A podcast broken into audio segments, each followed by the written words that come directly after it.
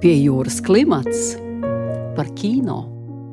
Labdien, mīļie radio klausītāji!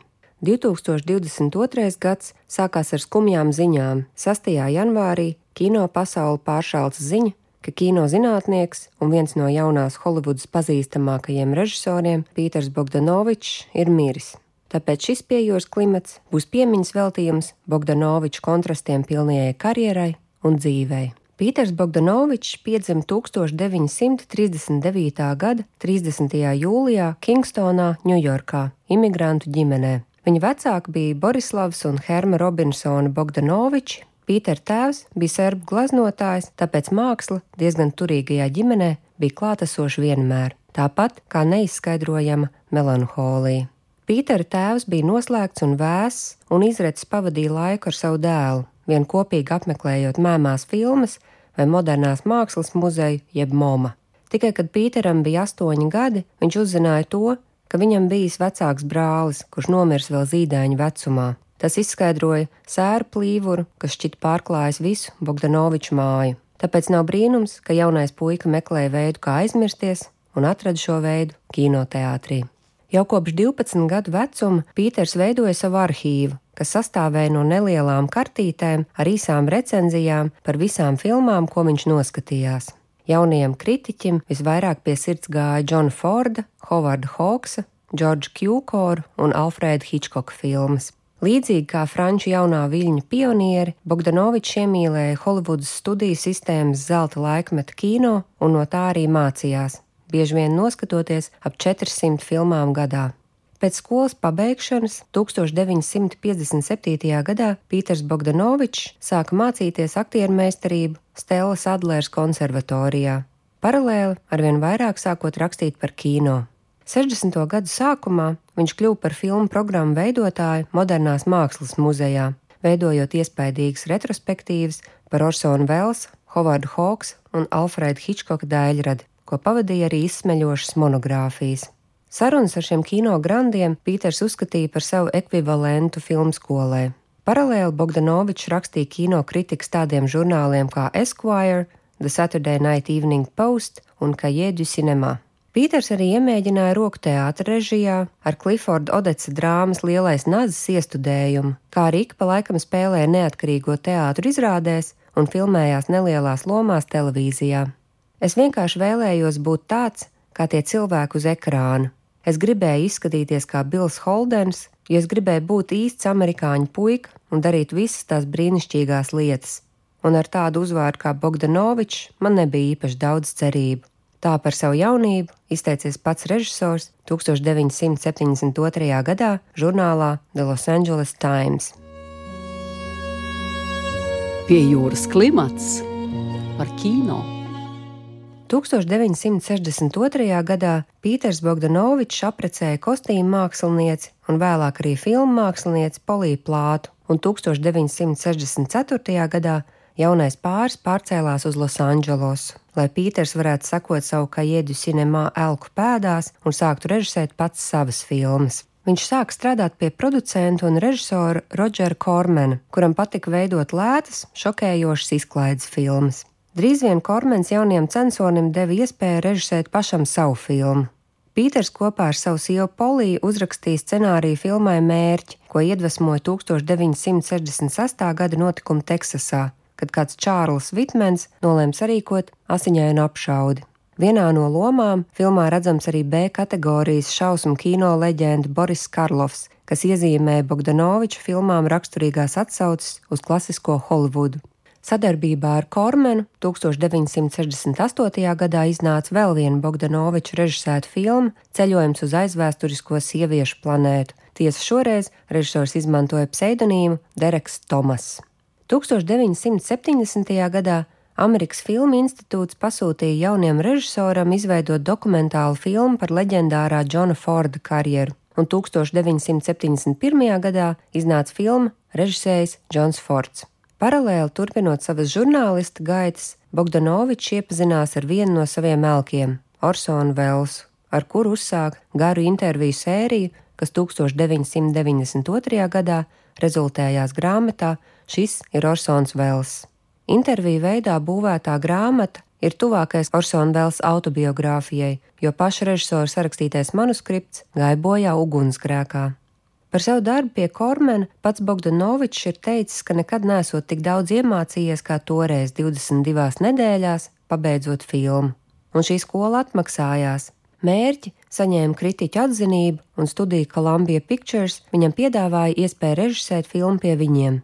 Savai lielajai debijai Pīters Bogdanovičs izvēlējās ekranizēt daļēji autobiogrāfisko Lerija Makmērtī romānu Pēdējais kinoseans.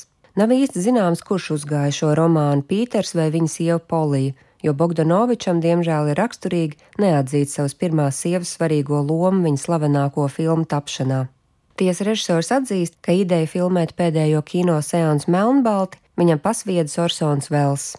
Vienā no galvenajām lomām redzam tolaik vēl nezināmā 19 gadus vecā Sibila Šepārda, kur režisors vai Polija Plāta viedokļi atkal dalās, ieraudzījis uz žurnāla vāka. Filma par nelielo Teksasas pilsētiņu un tās slēgšanai nolemto kinoteātri tika uzskatīta par vienu no spožākajām debijām kopš Orsona Vēls pilsoņa Keina. Tā tika nominēta astoņām Oskara balvām, tā skaitā arī kategorijā Gada labākā filma, un saņēma divas balvas par labākajiem aktierdarbiem otrā plāna lomās. Pēdējais kinoseans, kas šobrīd uzskatām par hrestomātisku jaunās Holivudas darbu, strauji izmainīja Pīteru Bogdanoviču dzīvi. Viņš kļuva par Holivudas jauno zvaigzni, kā arī filmēšanas procesā uzsāktais romāns ar Sibilu Šepārdi pielika punktu Pīteru un Polijas laulībai. Interesantiem iesaku noklausīties Karīnas Longvortas raidieraksta You Must Remember This desmit sēriju sezonu The Invisible Woman, kas veltīts tieši Polijas plātas karjerai. Pie jūras klimats par kino. Nākamās divas filmas nostiprināja Pītera Bogdanoviča zvaigznes statusu. 1972. gadā iznāca komēdija Kas notiek dok ar Bārbru Streizandi un Rajanu Nīlu galvenajās lomās. Filma bija veidota klasisko Hovarda Hawks pārpratumu komēdijas stilistikā, un par spīti laulības šķiršanai arī šajā filmā filmas un kostīmu māksliniece bija Polija Plāta, kur arī piedāvāja, kas notiek dok filmēta San Francisco.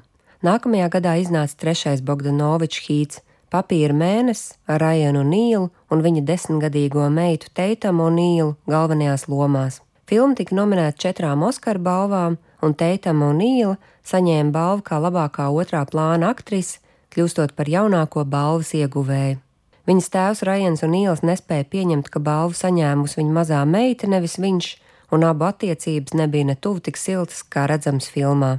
Polija Plāta atminas, ka filmēšanas laukumā bijusi teitamai kā otra mamma. Pīters Bogdanovičs bija radījis trīs veiksmīgas filmas pēc kārtas.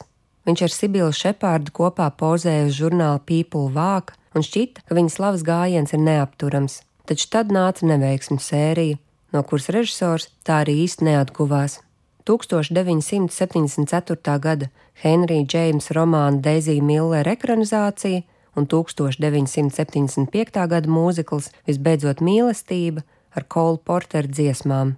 Abās filmās galvenajā lomā bija Šepārda, un abas bija milzīgas izgāšanās. Par visbeidzot mīlestību kritiķi rakstīja, ka šis 15 miljonus vērtais mūzikls ir Kols Porters, kur izpilda cilvēki bez muzikālās dzirdes un kur izdejo traumētie.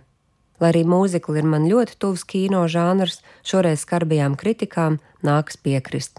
Filma zaudēja 6 miljonus. Arī 1976. gada komēdija Mūzikas automāts un 1979. gada Svētais Džeks neuzlaboja Bogdanoviča karjeras stāvokli. 70. gados režisora attiecības ar Sibilu Šepārdu bija izjukušas, un viņš uzsāka jaunu romānu ar playboy modeli Dorotiju Stratenu, kuru satika Hugh Hefner slavenajā savrupmājā. Lai arī Stratena joprojām nebija oficiāli šķīrusies no savu vīru Suteneru Polu Snaideru, abi jau ilgstoši dzīvoja atsevišķi. Bogdanovičs nolēma Dorotiju filmēt savā jaunākajā filmā Viņa visi smējās kopā ar Benu Gazāru un Audriju Hepbērnu. Taču vēl pirms filmas iznākšanas, 1980. gada augustā, Pols Snaiders nošāva Dorotiju un pēc tam nošāvās pats. Šī traģēdija satricināja Pīteru Bogdanoviča dzīvi, turklāt studija 20th Century Fox pēc neapmierinošiem testa seansiem nolēma apturēt filmas izlaišanu. Režisors nolēma filmu no studijas atpirkt un to izplatīt pats. Šajā procesā Bogdanovičs zaudēja 5 miljonus dolāru, un filmas ieņēmumi knapi sasniedz 1 miljonu. 1985. gadā režisors pasludināja bankrotu. Pie jūras klimats par kino. Nelielu attēlu Pīteram Bogdanovičam sniedza filma Maska ar šēru galvenajā lomā. Tā iznāca 1985. gadā un patika gan kritiķiem, gan skatītājiem. Taču, lai viss nešķistu tik jauki, Bogdanovičs iesūdzēja tiesā filmu studiju Universal Pictures, kas bez režisora atļaujas bija nomainījusi filmas mūziku. Bogdanovičs pats bija personīgi uzrunājis Brūsu Springstīnu, lai izmantotu viņa dziesmas, bet studijā tās aizstāja ar Boba Segeru mūziku, nespējot vienoties ar Springstīna ierakstu kompāniju. Liek piebilst, ka Bogdanovičs tiesas procesā neuzvarēja.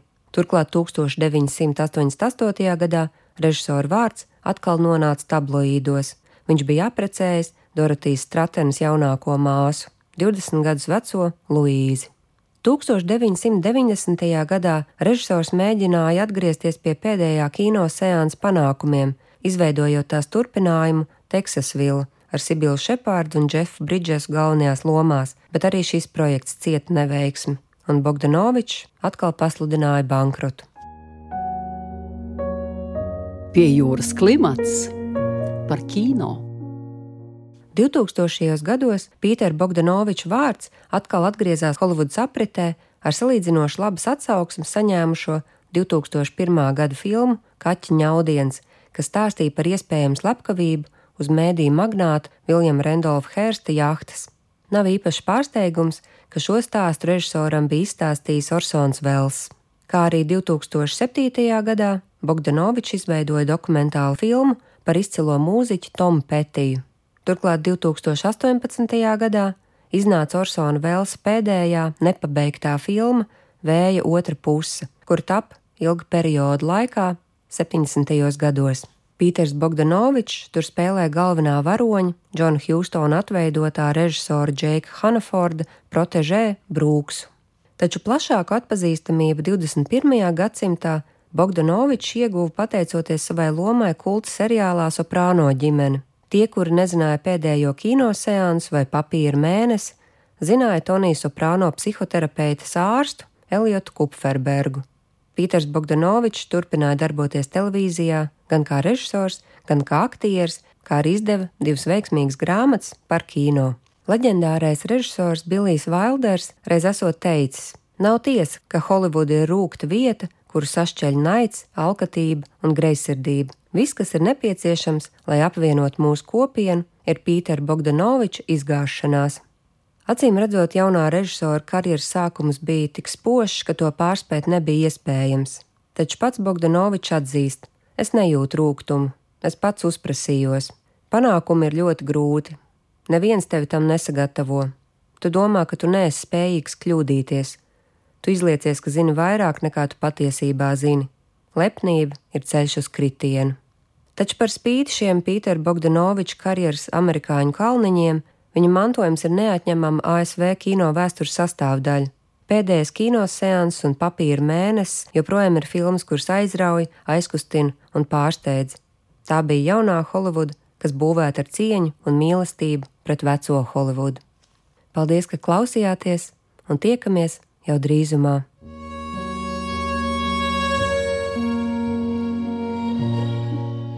Raidījumu vadīja Marta Elīna Martinsona montēja Andra Černievska, raidījumu piejūras klimats producente Inga Saksona.